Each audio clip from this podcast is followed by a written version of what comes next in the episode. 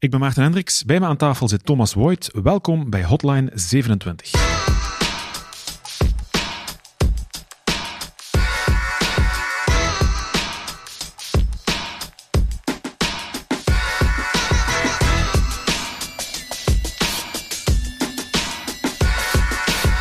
Thomas, CTO van Level 27. Leg eerst eens even uit, wat doet een CTO de hele dag? Uh, als CTO ben ik voornamelijk bezig met de strategische ontwikkeling van ons bedrijf op technisch niveau.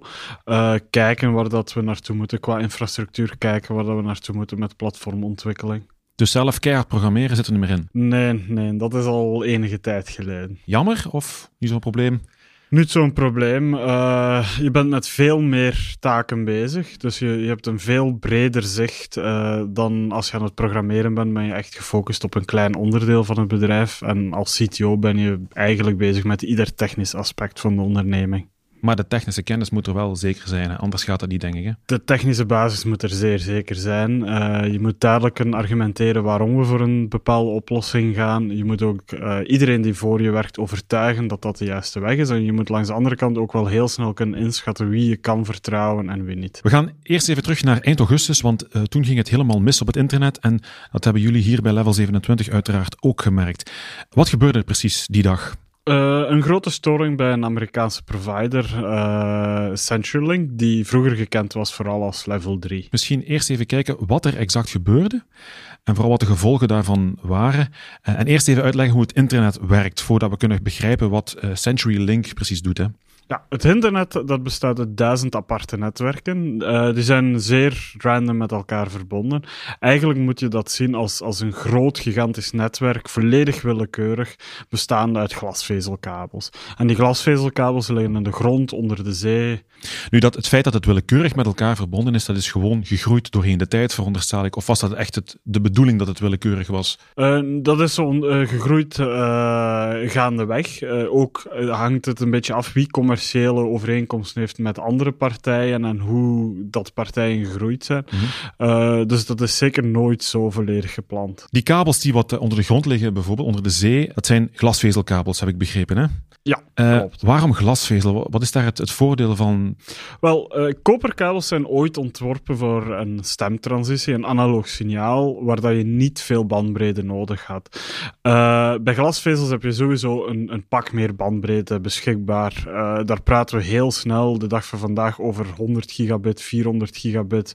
Um, de capaciteit blijft daar ook groeien. Die, die koperkabels, dat zijn de kabels die wij in huis hebben liggen. De, dat de traditionele netwerkkabels bijvoorbeeld. Klopt, klopt telefoniekabels, uh, Cat5 of, of Cat7 bekabeling mm -hmm. voor jouw PC aan te sluiten, coaxkabels. Dat zijn allemaal koperkabels. Dat zijn allemaal ja. koperkabels. Uh, bij glasvezelkabel gebeurt de transmissie ook aan de snelheid van het licht, die op lange afstand zeker sneller is dan elektriciteit.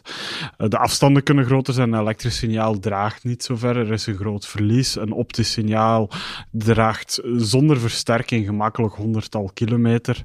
En het is ook veel betrouwbaarder. Je hebt geen magnetische storing. Je, je optisch signaal, je licht dat je instuurt, krijg je aan de andere kant er normaal ook gewoon zo uit. Ik zie hier ook staan immuun voor temperatuurveranderingen, extreem weer, magnetische invloeden. Dus die heeft eigenlijk alleen maar voordelen? Of zijn er ook nadelen aan glasvezel? Uh, er zijn nadelen. De aanleg van een glasvezelkabel is, is, complex. Je kan niet zomaar twee eindes aan elkaar binden en hopen dat het signaal draagt. Het moet gelast worden. Uh, het is ook, uh, je kan het niet zomaar in iedere hoek duwen, dus het moet een beetje het moet een beetje uh, gepland aangebouwd worden. Want ik denk ook dat de providers zoals een Proximus en een Telenet, daar hoort je ook het woord glasvezel regelmatig vallen. Hè? Ja, en, en daar zit dan nog een onderscheid in. Daar praten we over glasvezel uh, aan de hand van fiber to the home, waar dat de glasvezel meestal aan de buitenkant van de huizen wordt gekleefd. Um, als we gaan praten over grotere internetoperatoren, de backbone-bekabeling steekt meestal onder de grond. Want glasvezel, iedereen wil tegenwoordig glasvezel. Ik weet, Google heeft een tijd geleden een, een project gelanceerd in Amerika dat volgens mij ondertussen alweer afgevoerd is of gedeeltelijk afgevoerd is. Maar glasvezel, dat spreekt tot de verbeelding. Hè? Halen we dan altijd eh, hogere snelheden en betere verbindingen? Sowieso kan je van glasvezel hogere snelheden verwachten. Verder hangt het een beetje af van de topologie van de operator. Uh, maar is, is glasvezel sowieso een medium waar dat je meer mensen meer snelheid kan geven. Ongeacht of het nu een gedeelde of een ongedeelde glasvezel is. Uh, er bestaan systemen om een glasvezel te verdelen over verschillende huizen. Zoals dat met coax ook gebeurt. Niet tegenstaande, omdat we over optische signalen spreken, is het gemakkelijk 10 gigabit te halen op zo'n verbinding. En dat is bij een kopernetwerk toch wel een, een grote droom die, die waarschijnlijk niet haalbaar zal zijn. Dus binnen afzienbare tijd gaan we toch allemaal thuis glasvezel hebben. Dat is toch de bedoeling, of niet? Dat is de bedoeling. Afzienbare tijd. Het aanleggen van glasvezel kost heel veel tijd, kost heel veel geld. Uh, men spreekt daar toch wel snel over nog 15 jaar minstens. Eer ieder huis uh, zal aangesloten zijn. En dan in, uh, in mijn huis zelf, heeft daar glasvezel zin? Als ik bijvoorbeeld nieuwe netwerkkabels moet gaan trekken om kamers met elkaar te verbinden? Nee, daar heeft glasvezel eigenlijk geen zin. Uh, het is veel te complex als thuisgebruiker om, om het aan te sluiten. Je kan niet zomaar met jouw netwerktang er een kopje op plaatsen. Die koperkabels die gemaakt zijn, die Cat7 kabels, die dragen een 10 gigabit signaal toch wel gemakkelijk 30 meter zonder problemen en zijn daardoor ook veel goedkoper om te plaatsen in een huis. Even terug naar de werking van het internet. Mijn internetverbinding, ik ben verbonden met bijvoorbeeld een Telenet of een Proximus. Van daaruit, naar waar gaan we dan? Wie is met wie verbonden? Hoe zit dat in elkaar? Wel, het, het, internet is een beetje zoals de echte wereld. Je hebt steden, je hebt gemeentes, je hebt gehuchten. Mhm. Dat zijn de netwerken, bijvoorbeeld een Proximus of een Telnet. En dan heb je straten, heel veel straten. Autosnelwegen, gewone straten, fietsautostrades. En dat zijn de netwerkverbindingen. En als jij van de ene plek naar de andere plek wilt, van het ene netwerk naar het andere, dan heb je een route nodig. En dat is eigenlijk een protocol dat, dat heet BGP en dat is de basis van het internet. En wat doet dat BGP precies? Zie BGP een beetje als de GPS van de internetwereld. Uh, jij thuis verstuurt een pakket. Alles op internet wordt in pakketjes verdeeld. Met een pakket bedoel je bijvoorbeeld, ik ga naar de website, website, van Zalando. Ik ga schoenen kopen, bijvoorbeeld. Ja, bijvoorbeeld. En dan stuur je iets uit. En ja, eigenlijk dat pakket, daar wordt naar gekeken. Dat heeft een bepaalde route nodig om tot zijn bestemming te geraken. En BGP is een beetje de GPS van de internetwereld. En die GPS die gaat voor jou automatisch de kortste route berekenen richting bijvoorbeeld dan de webshop van Zalando. Maar het is dus niet zo dat er een, mensen nodig zijn die constant moeten zeggen: dit zijn de beste routes. Hoe werkt dat systeem? Zit dat... Nee, uh, BGP doet dat volledig vanzelf. Het, is, het maakt eigenlijk tabellen aan en die tabellen die staan op routers. En die, die routers zelf gaan kijken van ik kan naar, uh, naar operator Telenet via route A, B of C geraken. En die gaat die routes vergelijken met elkaar. En eigenlijk kiest het automatisch de kortst mogelijke route richting die operator.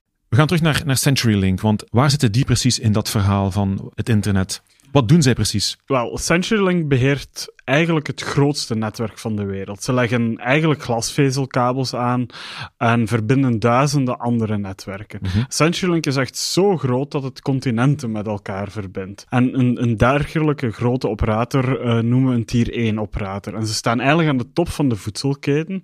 En ze moeten ook niemand betalen voor netwerktoegang. Wat bedoel je met niemand betalen voor netwerktoegang? Uh, kleinere operatoren zoals ons, zoals Telnet, zoals Proximus, uh, ze hebben geen netwerk dat over heel de wereld wereld naar alle andere operatoren kan, kunnen connecteren. Dus ze gaan voor bepaalde routes uh, het dataverkeer moeten inkopen. Dus ze gaan overeenkomsten met verschillende partijen, zoals CenturyLink, maken, om eigenlijk hun dataverkeer rondom de wereld te krijgen. En een Tier 1-operator, die hoeft dat niet. Die, Omdat ze de grootste zijn. Ze, zijn. ze zijn zo groot dat ze eigenlijk naar ieder netwerk in de wereld wel ergens via een gratis toegang of een, of een overeenkomst met een andere partij geraken. Maar dat zonder daar geld voor neer te moeten leggen. Uh, gelijk grote bedrijven zoals een Netflix bijvoorbeeld, maken die ook rechtstreeks afspraken met die tier 1? Ja, dus de, de meeste grote internetoperatoren, als je een beetje ernstig te nemen, uh, een ernstig te nemen operator bent, uh, zoals een, een Netflix, zoals een Cloudflare, dan praat je sowieso met de top 10 in de wereld. Het enige wat zij doen is gewoon, zij bieden een netwerkverbinding aan. Ja, ze bieden een kabel aan, ze bieden BGP aan. Dus er is een configuratie die moet gebeuren tussen, tussen jouw netwerk en dat van, van die tier 1-operator. En voor de rest transporteren ze het dataverkeer gewoon. En zij zijn ook de eigenaars van die grote onderzeese kabels die eh, Amerika met Europa verbinden? Of zie ik dat verkeerd? Um, zulke kabels zijn een zeer dure, complexe operatie. En deze zijn meestal in eigendom van een consortium. Uh, maar zij zijn sowieso eigenaar of, of deel-eigenaar van, van een zulk consortium. Uh, en dat gaat niet alleen tussen, tussen Amerika en Europa, maar zelf de volgens, de, ze volgen soms ook gewoon de kustlijn van Europa. Of sowieso iedere verbinding die in de zee ligt, is, is zeer duur aan te leggen uh, en zal nooit door één partij gefinancierd kunnen worden. Het moet ook onderhouden worden, hè? Ja, en het gaat ook gewoon soms kapot, dus je hebt ook redundancy nodig, je moet nog een kabel hebben via een andere route.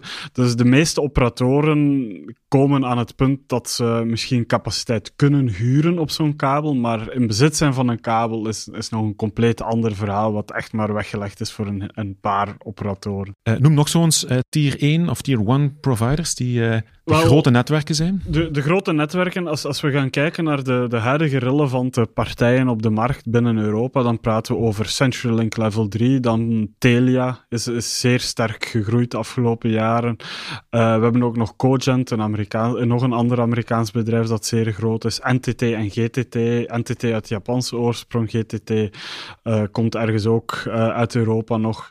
zij, zij bepalen eigenlijk samen een beetje hoe dat het internet aan elkaar hangt. Maar er is wel degelijk concurrentie ook binnen die netwerken. Want ik kan me voorstellen, als die allemaal heel nauw gaan samenwerken, dat ze ook, ze hebben een monopolie dan, en ze kunnen alle beslissingen nemen over het internet. Ja, uh, er wordt sowieso, is er, is er een zeer sterke concurrentie. De prijzen voor bandbreedte blijven jaar na jaar dalen. Het heeft geen zin meer een, een zeven jaar contract te nemen voor een, voor een verbinding. Ze concurreren elkaar zeer hard. Uh, dus sowieso is er keuze, maar natuurlijk moet je er meer dan één aansluiten. Je kan niet kiezen van, ik ga nu al mijn data verkeer naar één partij sturen. Je moet sowieso praten met minstens twee, liefst drie van deze partijen. Uh, maar ze concurreren elkaar heel hard. En jullie hebben ook zo'n overeenkomst met bijvoorbeeld CenturyLink. We hebben met een aantal partijen ook een overeenkomst. CenturyLink, Telia en Cogent zijn momenteel onze leveranciers. En er zijn altijd gesprekken, omdat wij de contracten elke twee jaar eigenlijk heronderhandelen, zijn er altijd gesprekken met de twee andere in de top vijf. En dat is belangrijk dat jullie met meerdere van die grote netwerken verbonden zijn natuurlijk. Hè? Ja, inderdaad. Als, als een van deze netwerken een probleem heeft, wil je eigenlijk zonder zorgen deze verbindingen kunnen uitzetten.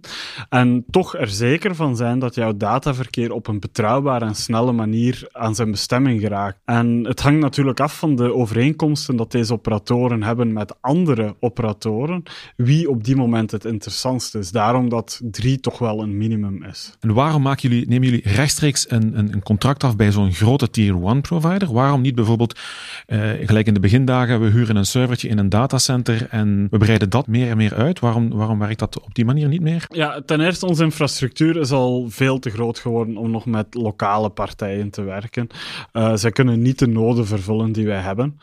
Langs de andere kant heeft het een voordeel om met een partij zoals CenturyLink te werken, omdat zij natuurlijk hofleverancier zijn van alle grote internetoperatoren in de wereld. Dus een Proximus of een Telnet, ja, die sluiten CenturyLink niet ergens aan de zijkant van een netwerk aan. Dat zit echt verweven tot in de core van hun netwerk.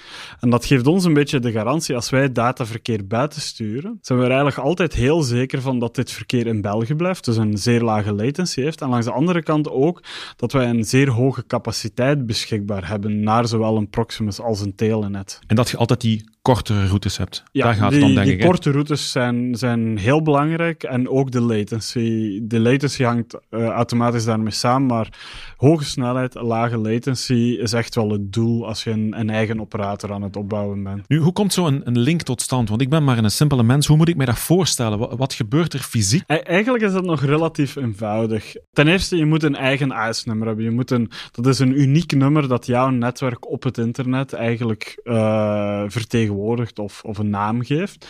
Uh, zie het een beetje als een telefoonboek waar je naam opzoekt en dan een, een, bepaald telefoonnummer krijgt om naartoe te gaan. Een IS-nummer is een nummer dat jouw IP-adressen aan jouw netwerk gaat linken. En wie deelt dat nummer uit? Bij wie kan je terecht om dat nummer vast te krijgen? In, in Europa is dat bij Ripe. Ripe is een, is een non-profit die opgericht is juist om al deze nummertjes te beheren. Uh, dus daar moet je allereerst al eens geregistreerd zijn als operator om zo'n een zulk nummer te krijgen.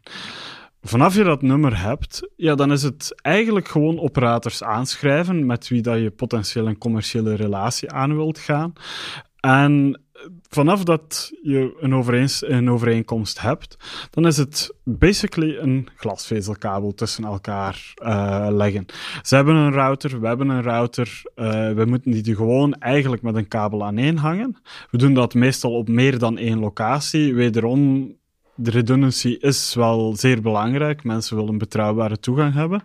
Uh, dus gaan we eigenlijk een kabel leggen tussen hun routers, onze routers. Dit op verschillende locaties. Dan komt er nog een klein stukje configuratie aan te pas. Een beetje like op jouw PC een IP-adres configureren. Daarbovenop komt dan uh, de BGP-configuratie, het signaling van het hele verhaal. Zeggen van, hey, dit dataverkeer is voor mij bestemd. En dan is jouw link up en running. En ze hebben dan ook echt verbindingen met alle mogelijke datacenters. Het is niet zo dat zij zeggen, je moet sowieso in dat datacenter uw, uw router hebben staan? Wel, je hebt in België een aantal publieke datacenters uh, die eigenlijk toegankelijk zijn voor iedereen. Je moet daar rackspace huren, je moet daar kabels naar een Meet Me Room huren. Een Meet Me Room is eigenlijk een plek waar dat uh, operatoren langs beide kanten naar het datacenter vragen om een kabel aan te sluiten. Waar de verbinding gemaakt wordt. Waar dat, de, eh, waar dat de fysieke verbinding gemaakt wordt. Uh, en eigenlijk zijn deze grote operatoren beschikbaar in de meeste van deze publieke datacenters, omdat dat natuurlijk ook is waar hun klanten zitten. Zij kunnen niet verwachten dat iedereen zomaar naar hun locatie komt. En niet tegenstaan is het als operator ook niet meer echt rendabel om in ieder land twee, drie locaties te gaan openen. Dus daar maken heel veel partijen gebruik van publieke datacenters. Om terug te gaan naar het voorbeeld van CenturyLink. Jullie hebben dus in meerdere datacenters een verbinding met CenturyLink. En nog met die twee andere partners. Klopt. Uh, en daar hangt het een beetje af van de topologie of het netwerk van de operator naar wie dat we aansluiten en welke datacenters dat gebeurt. Maar het idee is altijd wel om meerdere verbindingen van meerdere partijen te hebben in het geval dat het misgaat, dat je ook iets hebt om op terug te vallen. Ja, inderdaad. Als een datacenter wegvalt, uh, het, is, het gebeurt echt niet vaak, maar mocht nu een datacenter een groot probleem hebben, of een router in een datacenter een probleem hebben, kunnen we heel eenvoudig ons dataverkeer naar ergens anders verhuizen. Webhosting is heel vaak dingen op verschillende plaatsen opnieuw doen, denk ik. Hè? Ja, je moet redundant zijn op vlak van datacenter, op vlak van dataverbindingen, op vlak van puur diskcapaciteit. Ergens een file wegschrijven op één plaats is geen optie meer. Dat moeten we wegschrijven soms op vijf plaatsen. Uh, dus het is inderdaad heel veel dubbele infrastructuur bouwen voor het geval dat het fout gaat. En het kan fout gaan. Hè? Niet uh, door jullie schuld, maar door er ging iets fout bij CenturyLink. Wat ging er fout bij CenturyLink? Wel, binnen CenturyLink zijn netwerk is ergens een, een omleiding ontstaan. En normaal gebeurt zo'n omleiding, dat gebeurt dagelijks. Het internet, uh, de manier hoe dat die netwerken aan elkaar hangen, verandert eigenlijk constant. Uh, maar deze omleiding had ergens een probleem. Dus we gingen eigenlijk constant van omleiding naar omleiding, uh, omdat CenturyLink is iets dat, dat een route withdrawal heet, niet volgde. Dus wij hadden hun verteld van, hey, um, wij zijn niet meer beschikbaar via jullie. En zij hebben dit niet kunnen doorvertellen aan andere partijen. Er was een weg afgesloten maar ze zeiden niet door dat de Een beetje een Belgische omleiding okay, eigenlijk. Ja. We gingen van omleiding en omleiding en op het einde van de rit kom je op een doodlopende straat en sta Staat vast. alles vast, ja. Oké. En hoe merkten jullie dat, dat dat aan de hand was? Dat dat... Wel, wij monitoren sowieso onze infrastructuur uit verschillende plaatsen in deze wereld. Ook vanuit verschillende netwerken. Uh, niet alleen vanuit de Belgische netwerken, maar ook vanuit Frankfurt, vanuit Londen. En we zagen heel veel impact opduiken richting ons netwerk. Ja, dan ga je, dan ga je even op zoek en dan zie je van dat alles toch gerelateerd is naar één van jouw operatoren waarmee dat je naar het internet gaat. En dan zie je meestal ook al heel snel dat andere mensen gelijkaardige problemen hebben. We hebben op die moment besloten de verbindingen af te sluiten en dan nog zagen wij het verkeer eigenlijk naar CenturyLink gaan. Is dat dan paniekmodus. Iedereen wordt dan naar hier geroepen om het probleem op te lossen? Of is dat van eh, één of twee personen kunnen dat wel vrij gemakkelijk uh, regelen? Wel, er, er, is vrij weinig wat je zelf kan doen op zo'n moment. Dus één à twee personen kunnen dat wel regelen. Er is een nood aan communicatie naar de klanten toe. En langs de andere kant probeer je natuurlijk ook altijd wel een, een betere oplossing te zoeken voor jouw klanten. Dus het is een beetje kijken van hoe kunnen we nu de pijn verlichten? We weten dat het probleem aanwezig is. Hoe kunnen we de pijn nu verlichten voor de klanten? En zo richting Proximus als wel Telnet waren onze netwerkverbindingen eigenlijk binnen de kortste tijd alweer uh, functioneren veel, naar andere grote platformen. Uh, Cloudflare heeft bijvoorbeeld ook heel veel problemen gehad in de wereld. Uh, was het iets meer zoeken naar een oplossing die werkte? Ja, want het Cloudflare-verhaal zit daar ook nog tussen. Hè? Daar, wat doet Cloudflare precies? Cloudflare is een beetje een, een website firewall, mhm. om het heel simpel te zeggen. Ze gaan eigenlijk tussen jouw website en het internet zitten. En ze gaan al het verkeer dat daar naartoe gaat controleren, zodat er alleen maar verkeer naar jouw website gaat dat oké is. Uh, en ze hebben een, een heel groot netwerk, een heel groot volume dat ze aankunnen. Dus als jouw netwerk een aanval krijgt, of jouw website een, een aanval krijgt, dan kunnen ze dat heel eenvoudig verwerken. En daarom hebben ze het ook zo snel gemerkt, omdat zij als een soort van firewall dienen op het netwerk. Ze zitten tussen heel veel websites, heel veel grote websites ook. Um, en ze zien eigenlijk de communicatie tussen de gebruiker en hun, en tussen hun netwerk en de server. En ze zagen heel veel problemen opduiken van hun netwerk richting die servers. En dat is iets wat juist die tier 1-operatoren, waar dat de communicatie van die tier 1-operatoren zeer belangrijk is. Ze, Cloudflare zelf zit heel dicht bij de eindgebruikers. En ze kunnen eigenlijk heel goed monitoren als er op internet problemen ontstaan. Ook omdat ze wederom uh, met de vier tot vijf grootste partijen in de wereld moeten werken voor de volumes die zij verwerken. Er zijn heel veel andere bedrijven die gebruik maken van Cloudflare. Ja. Hoe lang heeft die storing nu, nu geduurd? Wel, eh, binnen, binnen de landen zelf, tussen andere operatoren, is het meestal relatief vlot opgelost geweest. Uh, als we gaan kijken internationaal, is er toch wel een, een vier tot vijftal uren uh, enorm veel, veel latency geweest. Enorm veel, ook gewoon connecties die niet lukten. Dus het probleem heeft toch wel vijf uur aangesleept. Gebeurt dat vaak, zoiets? En is, is dat een menselijke fout? Dat wil ik eigenlijk eerst weten. Hoe, hoe, hoe komt het dat dat fout loopt bij CenturyLink? Krijgen jullie daar uitleg over bijvoorbeeld achteraf? We krijgen daar uitleg voor. Uh, net als iedere leverancier die, die een fout maakt, moeten zij zich verantwoorden. Net als, net als dat wij ons verantwoorden richting onze klanten toe. Dus het is meer als een doos praline om te zeggen, sorry, het gaat niet meer gebeuren. Het is, het is, we praten natuurlijk tussen technische mensen uh, op zo'n niveau. En ja, iemand technisch is niet tevreden met die doos praline. Die wil begrijpen van wat is nu fout gegaan. Uh, de CenturyLink uh, geeft die informatie ook wel aan zijn klanten in een, in een zeer gedetailleerd uh, model. Nog niet alles is duidelijk wat er fout gelopen is, omdat natuurlijk zij begrijpen ook dat dit een enorme impact heeft gehad. Niet alleen op hun directe klanten. In Amerika zijn zij ook een van de grootste toegangsproviders, maar wereldwijd als, als tier 1 operator heb je ook een bepaalde verantwoordelijkheid en ze begrijpen dat de impact zeer groot is geweest. En ze onderzoeken dat dan ook wel heel goed. Sowieso is een probleem zoals dit meestal geen menselijke fout. We praten over grote netwerken, heel veel complexiteit. En is er meestal wel een externe trigger. In dit geval was een externe trigger eigenlijk een update binnen hun netwerk, die door een van hun klanten is doorgeduwd. En die heeft de communicatie verstoord. Nu, dat is op zich geen probleem. Dat, dat is te begrijpen en het is niet leuk dat heel je netwerk offline gaat. De mensen gaan klagen, maar niet tegenstaan als je niks kapot maakt. Iedereen wordt geacht enige redundancy te hebben. Wat dat zij nu nog aan het onderzoeken zijn, is hoe het kan dat zij eigenlijk verteld hebben tegen andere netwerken, dat ze eigenlijk out-of-date informatie hebben blijven doorvertellen tegen andere netwerken. Dat die routes nog beschikbaar waren. Dat die routes nog beschikbaar En daar zijn een aantal theorieën over, maar dat speelt dat is eigenlijk zo'n complexiteit dat zelfs voor CenturyLink zoiets zeer moeilijk te onderzoeken valt. En dat zij ook moeten gaan praten met hun hardware-vendoren. Zij kopen hardware van Cisco, Juniper, van verschillende partijen. En zij moeten met deze partijen natuurlijk rond tafel gaan zitten en gaan analyseren wat is er nu precies gebeurd. Is een bedrijf als CenturyLink niet gewoon te groot? Ja, ze zijn zeer groot. En ze bieden... CenturyLink is een van de weinige tier 1-operatoren die ook nog eens heel veel andere diensten aanbiedt. Zoals gezegd, ze zijn in Amerika een van de grootste toegangsproviders, waar dat ze eigenlijk ook gewoon internetverbinding bij de mensen thuis leveren. Ze bieden heel veel diensten aan.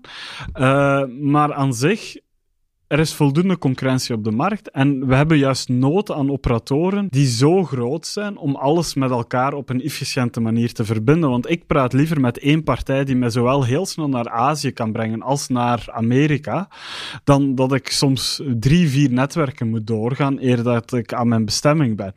En zolang dat er concurrentie is, is het waarschijnlijk geen probleem.